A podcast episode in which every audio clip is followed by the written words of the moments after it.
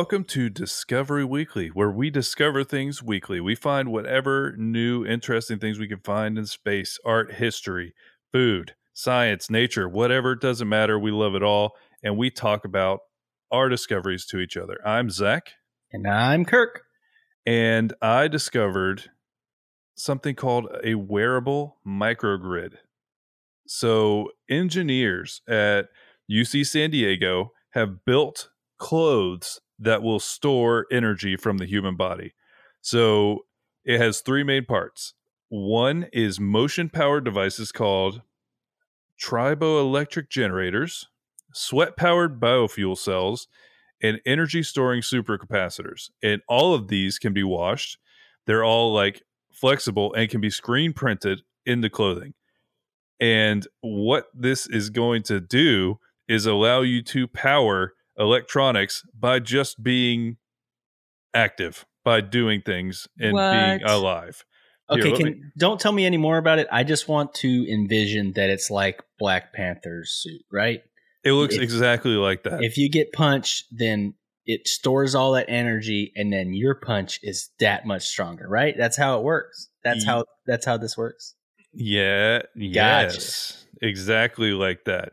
Knew it. definitely like that but um essentially they have just found a way to use every single part of like the motion that we do in a normal activities and like sweating and everything like that to like potentially power future wearables because this is something that we've seen a lot more of these starting to be announced you know and that's not even counting kind of the specifics of everything with COVID and the masks and everything like that. They're coming up with new fancy masks and things like that. But What about also- that dress mask we saw yesterday? I do want to mention that because that Uh, was, it was fascinating. it was and kind it was of so awesome. cool. Actually, it was kind it looked it looked pretty great. Yeah, we went out to uh, a show last night, and the one of the bartenders at this place had a dress that literally instead of like a turtleneck, it was even longer. And it had ear straps, and so you could literally take like the neck of your dress and pull it, and it was a mask. The neck was the. I mean, the, dress was a mask. yeah, It had a built-in mask. honestly, it it, was looked really cool. it looked pretty awesome.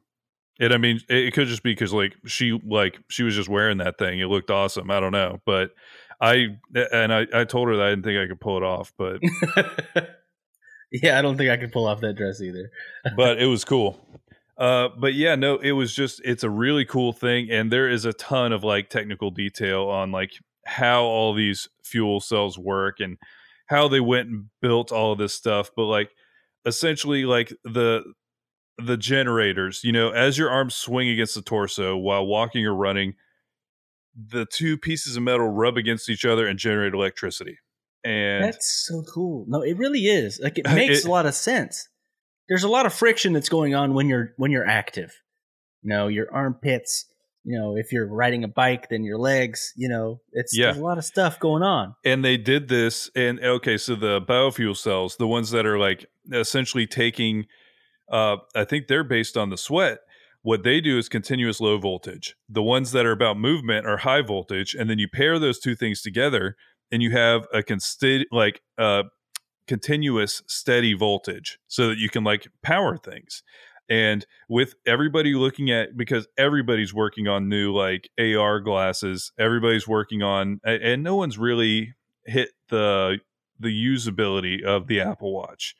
But everybody wants to you know if people can get everything paired together and everything working together then that's that's even better. But one of the things that's always could be an issue is charging. But what if your wearables were literally being charged by you just wearing a shirt? And that's it No, that's super cool. That's that's really cool. and then it, essentially it, it goes a step further because that's normal use you know walking around doing whatever but what if you were able to like amp it up and when you're exercising generate more you know so there's there's a lot of potential for this this idea and i'm sure it's getting charge your Tesla.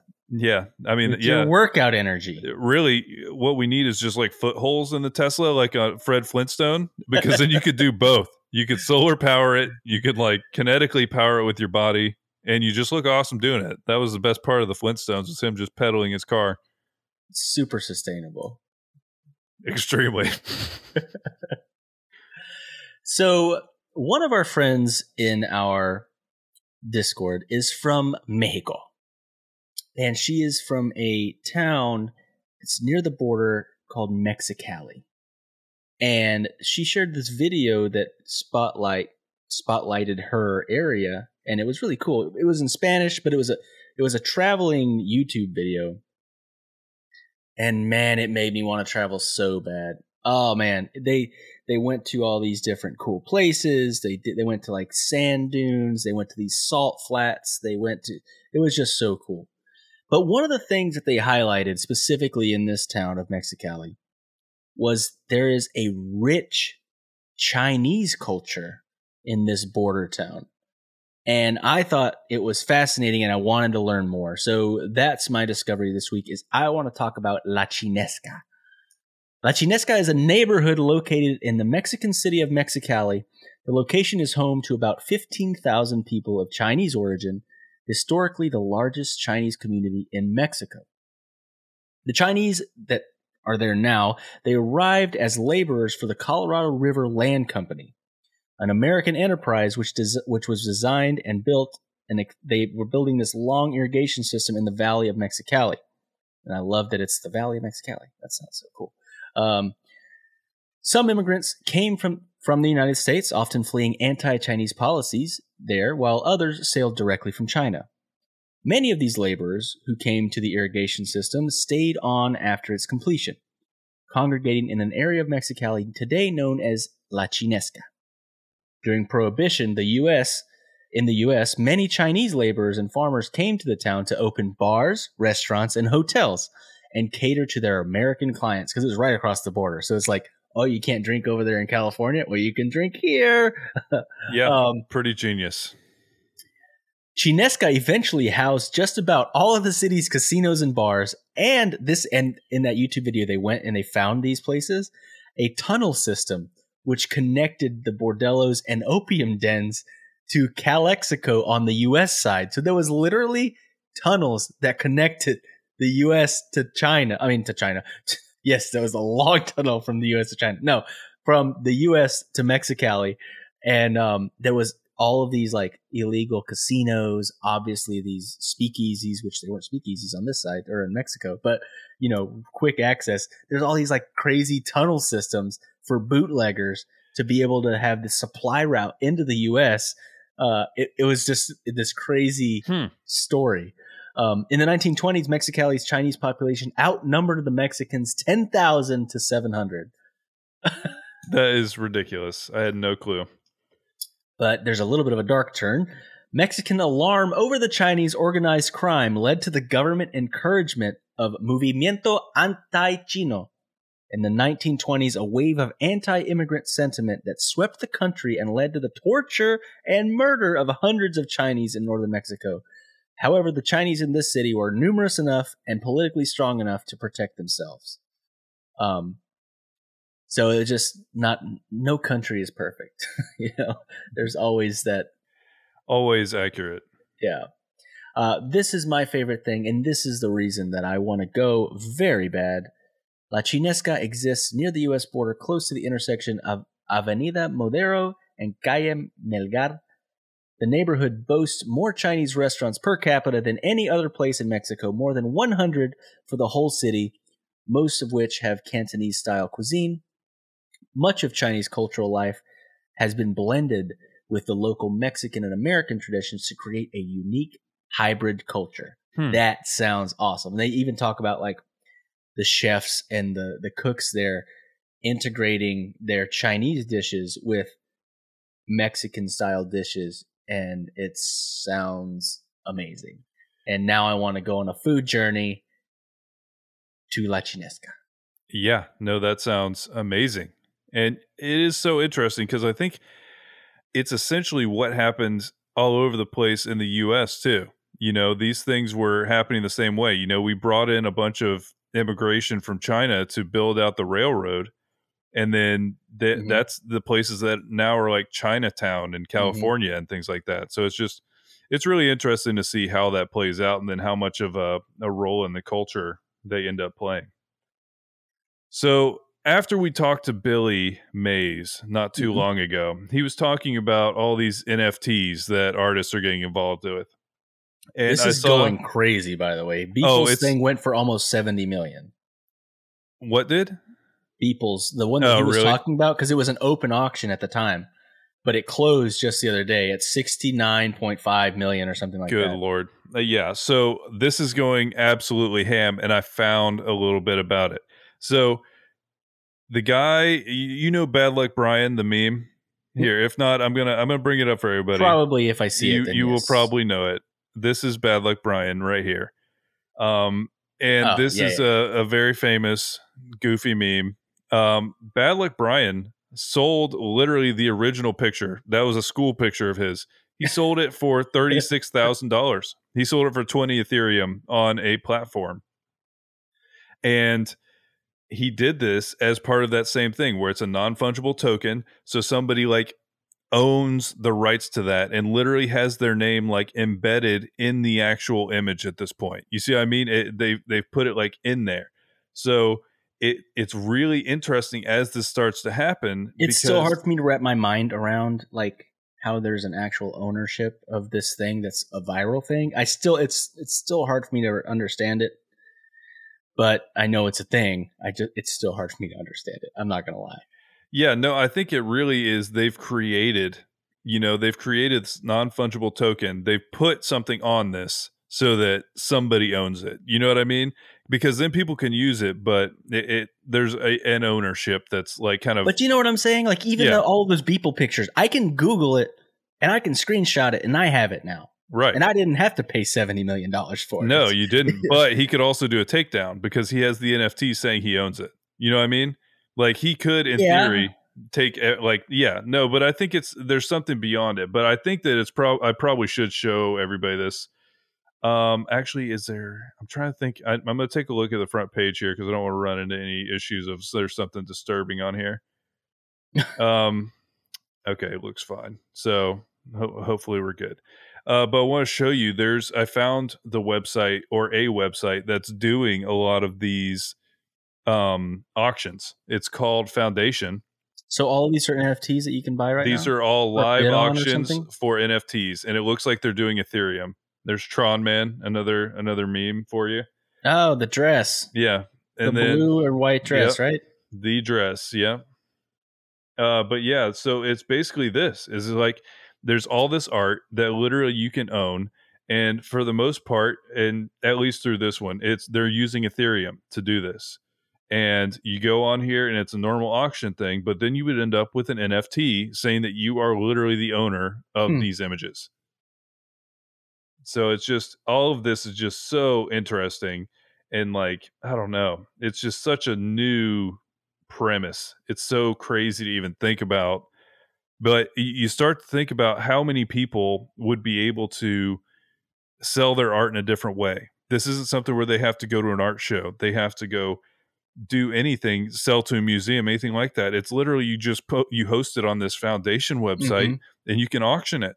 And I, I don't know it's just it's so interesting to watch how cryptocurrency is really taking off right now because i saw the other day that for the first time i think in recent memory uh bitcoin was more searched than covid No, on- on- finally. on google yeah so yeah, Bitcoin broke 60k today. did it yeah Yes. so It's crazy. it's all just really wild to watch And but I don't have any anymore. It, it's really all cool to, it's really cool to see the the nft side of things where it's like it's less about like trying to set up a white paper and everything like that it's just a way for artists to kind of get involved in the space and sell stuff kind of on their terms so it's pretty cool No, it's fascinating to be able to see this uh, technology as it's going forward. I do think there's some people that are going to get taken for a ride. You know what oh I mean? oh yeah no we'll look back on this time and see the uh the crypto bubble you know it's this just like the be one dot of com those bubble things like where you know the dude bought the pizza for however many Bitcoin, and now that's worth like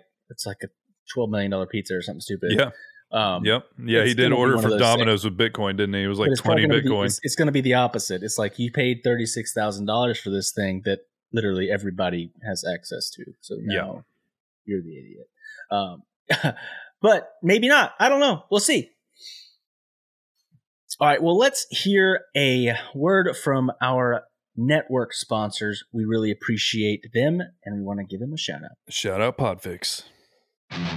Do you like comedy? What about movies? Pop culture? Do you like animals? What about science? Do you dig plants? What about writing, snacks, rambling, and rants? Filmmaking, improv, and interviews? Canadians, Australians, boating forecasts and super reviews? Ladies, gentlemen, cretins, or comic books? Script reads, bad TV, hits that shook, perfectly picked packages popping up, podcasts pointing people to discover other podcasts?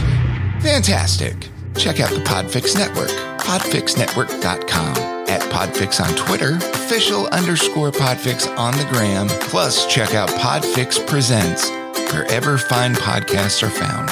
The Podfix Network, artist owned and loved. All right.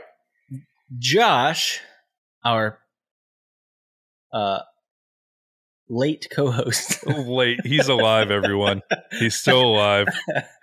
uh, he's not alive on the show anymore, so he's he's dead to us. Oh, Uh, so you're kidding. saying like story wise, we wrote him like we Yes. killed him off of the story. Yeah, we need Okay. to. Yeah. See, uh, Josh just said rip in chat, so that's how you know that he's he's late. Our late host, uh, Josh, he he shared something that I thought was fairly fascinating. At first, I was like, "Nah, this is boring," but then I read some of the facts, and they're actually pretty fascinating. So, when we're recording this, it's Saturday, and tomorrow is Pi Day, which is three fourteen. Um, tomorrow is Pi Day, so by the time you hear this, it'll be it'll, it'll have been passed. But there's some fascinating facts about pi, and by pi I mean the Apple. N- no. Uh, uh, the one that I'm talking about is the quantitative, uh, the quantity which, when the diameter is multiplied by it, yields the circumference. That's what I'm talking about. Oh, okay. The pi that I'm speaking of. Sure. Um, So let me give you some facts about pi. The symbol for pi has been in use for over 250 years. The symbol was introduced by William Jones, a Welsh mathematician, in 1706. The symbol was made popular by the, by the mathematician Leonhard Euler. Pi is actually a part of Egyptian mythology. People in Egypt believed that the Hmm. pyramids of Giza were built on the principles of pi. The vertical height of the pyramids had the same relationship with the perimeter of their base as the relationship between a circle's radius and its circumference. The pyramids are phenomenal structures and are one of the seven wonders of the world. Pi wasn't actually known as pi before the 1700s. People referred to the number we know as pi as the quantity which, when the diameter is multiplied by it, yields the circumference. Terrible su- naming skills. Not Terrible. surprisingly, people got tired of saying so much whenever they wanted to talk about pi. The Welsh mathematician William Jones, a friend of Sir Isaac Newton, began using the symbol for pi in 1706. Um, yeah, I'm glad they changed that name. Well, I Uh, don't know that that even qualifies as a name. That's a full explanation of what it is. Yeah, I mean, yeah, yeah, you're not wrong. Uh, in the year 1888, an Indiana country doctor claimed that he had learned the exact measure of a circle through supernatural means. Oh god. He believed in this supernatural knowledge so much that he filed a proposal to pass a bill in the Indiana legislature so that he could copyright his genius findings. However, there was a math professor in the legislature who showed the fellow how his proposed bill would result in a wrong value of pi. Which is uh, there's so many things about that one. Like first of all, 1888 sounds like a garbage year. I'll just throw it out there. It seems like it is. Some guy, I guess, looked at a circle and was like, "I am a magical genius, and I An know." An angel came to me and told me that this circle It- it- is like what was the premise like oh it's what's the he knew the diameter like uh, you know i mean like no i don't know they were really bored in the 1800s i mean it was like i don't know what else to say there was That's no so hangings weird. that day. There was no witches. to yeah i guess God, the 1800s were a but yeah i do show. my favorite part is the math professor who's like bro you are so dumb like that is so dumb and just like shut it down immediately but the weird thing is he wanted to copyright i i want to know more about this what is he copywriting His genius findings. I'm going to copyright this circle that I divined through supernatural means. Can It's like you what? copyright bunch of numbers?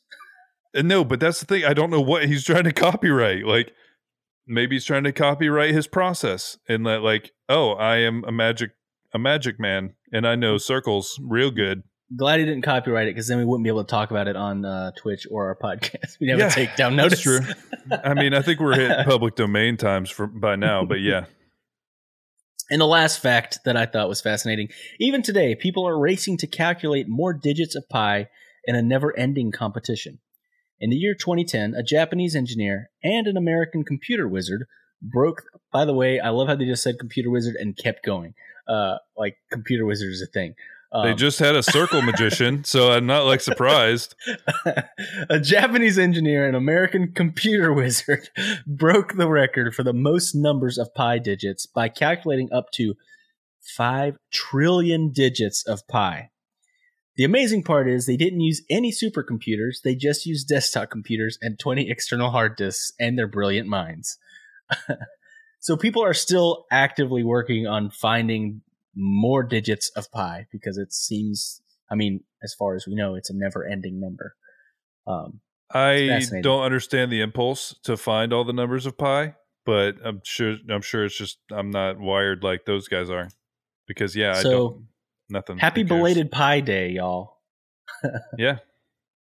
Pi Day was yesterday. Or no, like 4 days ago by the time this comes out, right? Well, it's the 14th. Oh, yeah, yeah. If it comes out on, yes, yes, you're right. but yeah, it was a it was a thing. So I read an article, and this is kind of a short one, but just just nice. Um, birds and being around birds makes us happier, based on a couple new scientific studies that have come out. And that doesn't mean you need to like go hug a bird every day. What that means Come on. That sounds that- fun, though. so German researchers found that even being or that being surrounded by a wide variety of birds can offer increasing life satisfaction equivalent to $150 per week of added income. What? Yeah, so I think they just were like, "Would you rather have $150 or see a bird?" And people are like, "You know what? I could go for that bird. That's pretty cool." Um but basically, they That's started to stu- I'm sorry. That's a real stupid thing that the scientists said. Well, no, what they did is a quality of life survey to measure how different species and diversity of birds affected 26,000 people in 26 European countries. Uh, according to our findings, the happiest Europeans are those who, who can experience numerous different bird species in their daily life, who live near who live near natural surroundings that are home to many species. Um, and then they they also examined the socioeconomic data of the people that were surveyed. And much to our surprise, we found that avian diversity is as important for their life satisfaction as is their income. So I don't know. Uh, maybe Germans like birds even more, but I don't know. But in general, I think it just mostly goes with nature. And it also, there has been a spike in bird activity in general, like bird watching. And the Cornell Lab of Ornithology has a global day where they tell everybody to go try and identify birds. They give people a checklist and they can go try and sightsee all of them. And they said this time uh, last year during the pandemic, they had 2.1 million sightings of 6,500 different species, an all time high of 50,000 participants, and they submitted 120,000 checklists, shattering the single day like totals by 30%. And so they think that it's something where we all got trapped at home and that people essentially were able to look out their window and find some uh some joy by watching like a, a little bird family in their yard. For my last discovery, I found this one, and I'm going to butcher some names in here because it's just what I'm going to do, and I'm sorry ahead of time. I'll try my best. But it's a super inspirational article and a super inspirational dude. I mean, I almost cried just reading this thing. Um, it's about Mithal, Mithalal Sindhi. Every religion in India says performing the last rites of a dead body is the most important activity family members should do. The last rites, if performed rightly, will liberate the soul from the body, and the departed will be free from the clutches of the earth. But there's a man in Ahmedabad, Ahmedabad, Ahmedabad, and there we go, who has given up on every materialistic thing in his life to do the noble cause of performing the final rites of unclaimed dead bodies. Mithalal Sindhi, an 80 year old resident of Ahmedabad, who stays on the footpath, and I figured out that what that means he's homeless. So he's given up everything to become homeless because that's where there's a lot of unclaimed bodies in the homeless community. He's performed the final rites of over 550 unclaimed dead bodies over the past 58 years. This selfless act of Mithalal has made him famous among the people in that area. And whenever there's an unclaimed dead body lying anywhere near Ahmadabad, people remember him. And here's a little bit of his story because it's just it. At first, like okay, so this dude will you know do the last rites, but apparently you know, there's a, you know there's a deep cultural significance to that for one, and also there's a big aversion to death in a way. So it's it's it's a weird thing uh, there in in that area where there's kind of like it's super important, but you you just don't go around some random person's dead body. Like it's not something you do. I mean, I get I guess that makes sense.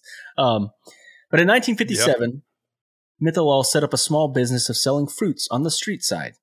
While in this business, Mithalal met Sayandel Sandhi, who was a vegetable vendor. Their friendship grew over time, and they used to have lunch and dinner together. One morning, when Mithalal went to wake Nialdas up, he did not respond, and after a while it dawned on Mithalal that his, ve- his vegetable vendor friend was no more. He reported this to the main vegetable vendor and asked him to perform the final rites for Nialdas. But the Makia, or the leader of the vegetable market, outright refused to perform the funeral rites and also told Mithalal that it was none of his business to deal with a dead body. As Mithalal knew that Nialdas had, I think I've said his name different every single time, had no family or friends except him to count on, Mithalal took the responsibility on himself to perform the final rites of his friend. While performing his final rites, it dawned upon him that there are countless people in this state who die every day and they have no one to perform their final rites. So on that particular day, Mithalal decided that he would perform the final rites of every unclaimed dead body that he came to know of. It's been 58 years since then, and Mithalal is still performing final rites of dead people and dead bodies, and that too, and as well as spending money out of his pocket for their funeral arrangements. Mithalal has now given farewell to over 550 dead bodies, and the most important thing is he performs the final rites as per the religious custom of the dead person, which I think that's fascinating. Uh, there's a quote from him For me, there is only one religion, and that is humanity. I don't believe in any other religion, says Mithalal. Before performing the final rites, Mithalal always looks for a symbol or sign which indicates the religion of the person. If the dead is a Hindu, he takes the body to a crematorium if the dead person is a Muslim, he takes the body to Jamalpur. I don't know what that means, but it's a thing. And if the person is a Christian, he takes the body to the graveyard. Mithalal carries the dead bodies on his pedal rickshaw and duly performs the funeral rites of the dead person. Today, or there's a quote as well. Uh, today, it costs around fifteen hundred rupees to perform the last rites of any person. I incur all the expenses from my own earnings by selling fruits on the fruit on the footpath near Ellis Bridge. So he's still selling fruits and stuff, um, and he's spending that money to give last rites for people mm. that basically have no family. And the last thing I want to read in here says this man is one among many humans who are serving for the betterment of humanity. In an era where many times the family members of the dead act as if they do not know the person and refuse to perform the final rites, Mithalal is performing their final rites, thinking that the dead is like a relative. He says, If the dead is a middle aged woman, she is like my younger sister.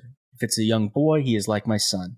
And if it's an aged man or woman, they are like my parents. This man says that the dead body might be just another person for the society, but for me, they are like my family.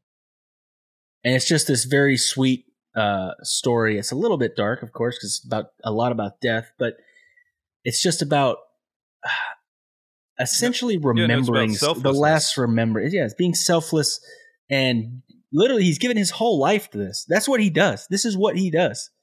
and he's 80 years old now. He's been doing this for almost 60 years. So like double the amount of time we've been alive, he's been doing this. It's just an insane story. Yeah, it really is. Hmm.